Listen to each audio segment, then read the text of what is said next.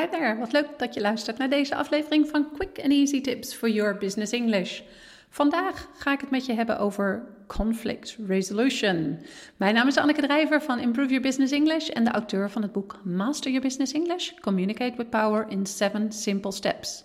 Ik help ondernemers en doelgerichte professionals van een middelbare school Engels af, zodat ze ook internationaal met impact en vol zelfvertrouwen in het Engels kunnen communiceren.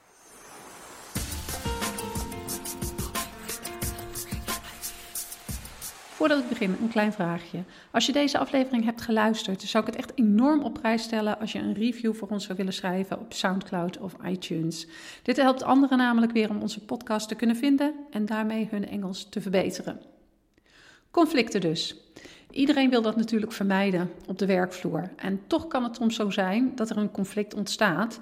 En dan is het belangrijk om dit zo goed en zo snel mogelijk weer op te lossen. Je wilt uiteraard geen grote spanningen binnen een bedrijf. Conflicten zijn er onvermijdelijk en soms kunnen ze zelfs nuttig zijn, zoals bij het bedenken van nieuwe ideeën. Daarom is het van belang dat je je ook in het Engels kan uitdrukken bij het bespreken van een conflict. Hoe ontstaat een conflict? Nou, meestal begint een conflict wanneer mensen een bepaalde situatie verschillend zien of interpreteren. En dat gebeurt waarschijnlijk wel vaker dan alleen op het werk. Tussen ouders en kinderen kan het ook wel eens voorkomen. Zelfs tussen vrienden kunnen conflicten ontstaan.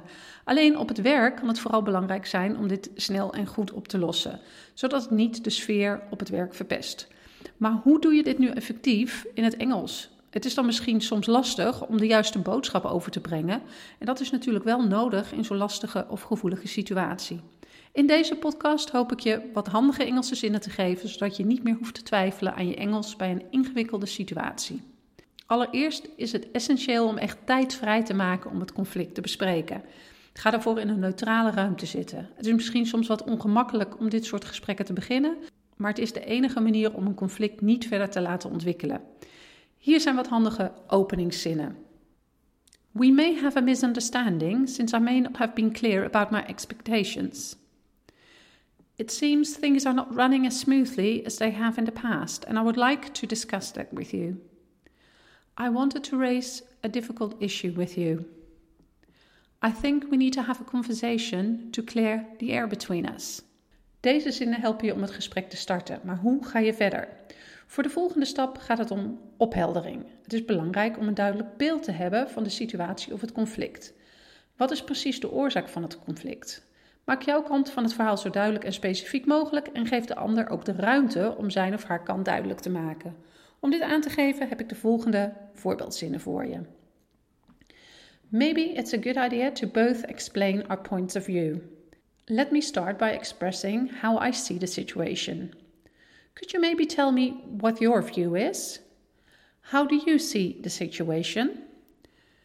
Mocht hierna iets nog niet helemaal duidelijk zijn, dan is het belangrijk om door te vragen. Door door te vragen kun je voorkomen dat er nog meer misverstanden ontstaan. Door middel van deze vragen kun je om meer duidelijkheid en opheldering vragen. Can you elaborate on what you said? Help me understand. What did you mean exactly when you said? I'd like to better understand your perspective. Could you please explain to me one more time why? If I understand you correctly, you're saying that. Als jullie allebei het gevoel hebben dat alles besproken en gezegd is, is het tijd om verder te gaan. Begrijp je elkaars kant wel of niet? Dat is een belangrijke vraag voordat je echt verder kunt komen. Wees eerlijk, maar geef altijd op een beleefde manier aan of je het wel of niet eens bent met iemands punt. Dat kan op de volgende manieren. Als je het met iemand eens bent, kun je bijvoorbeeld zeggen: You have a point there. I see what you mean. I understand how you could think that.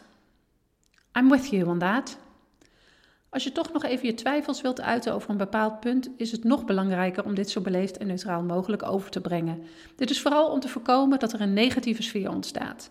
Een meningsverschil wil je in dit geval natuurlijk op een subtiele manier duidelijk maken. Hiervoor zijn de volgende zinnetjes goed te gebruiken. I see your point, but. I agree up to a point, but. We don't seem to be in complete agreement. I don't quite agree with you on. Hopelijk ben je nu een stuk verder gekomen en heeft iedereen zijn hart kunnen luchten. Als dat zo is, dan is het tijd voor de volgende stap, naar de toekomst kijken. Hoe wil je het in de toekomst zien? Het is goed om niet vast te blijven zitten in oneenigheid, maar om verder te durven kijken met een positieve blik. Zelfs als jullie het nog steeds niet met elkaar eens zijn. Je kunt deze volgende stap zetten met behulp van een van de volgende zinnen. What does your preferred outcome look like? What can we do to change the situation? How can we resolve this? Let's see what we can do to make sure it doesn't happen again. Mochten jullie het nog steeds niet helemaal met elkaar eens zijn, dan is het tijd voor een compromis. Dat zou er in ieder geval voor moeten zorgen dat jullie weer op een neutrale manier met elkaar kunnen werken. Zo kun je een compromis introduceren. What would you say if? How would you feel about? Would you be open to? Perhaps we can come to a compromise.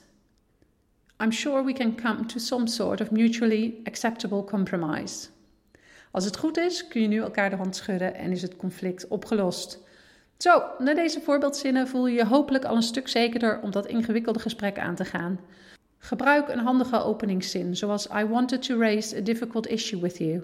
En geef elkaar daarna de ruimte om uit te leggen waarom het conflict is ontstaan. Is iets niet helemaal duidelijk? Vraag altijd rustig en beleefd naar opheldering, zodat er geen nieuwe misverstanden ontstaan. Help me understand geeft al erg goed aan dat je je best wil doen om het van zijn of haar kant te zien. Maar wees ook eerlijk. Als je het ergens niet mee eens bent, geef het aan. Dat kun je al doen door neutraal te zeggen: We don't seem to be in complete agreement. Wees positief over de toekomst, ook als jullie er niet helemaal uitkomen. We can always compromise. En dat was het weer voor vandaag. Ben je op zoek naar meer manieren om je zakelijk Engels te verbeteren? Bezoek dan onze website www.improveyourbusinessenglish.nl. See you next time met quick and easy tips for your business English.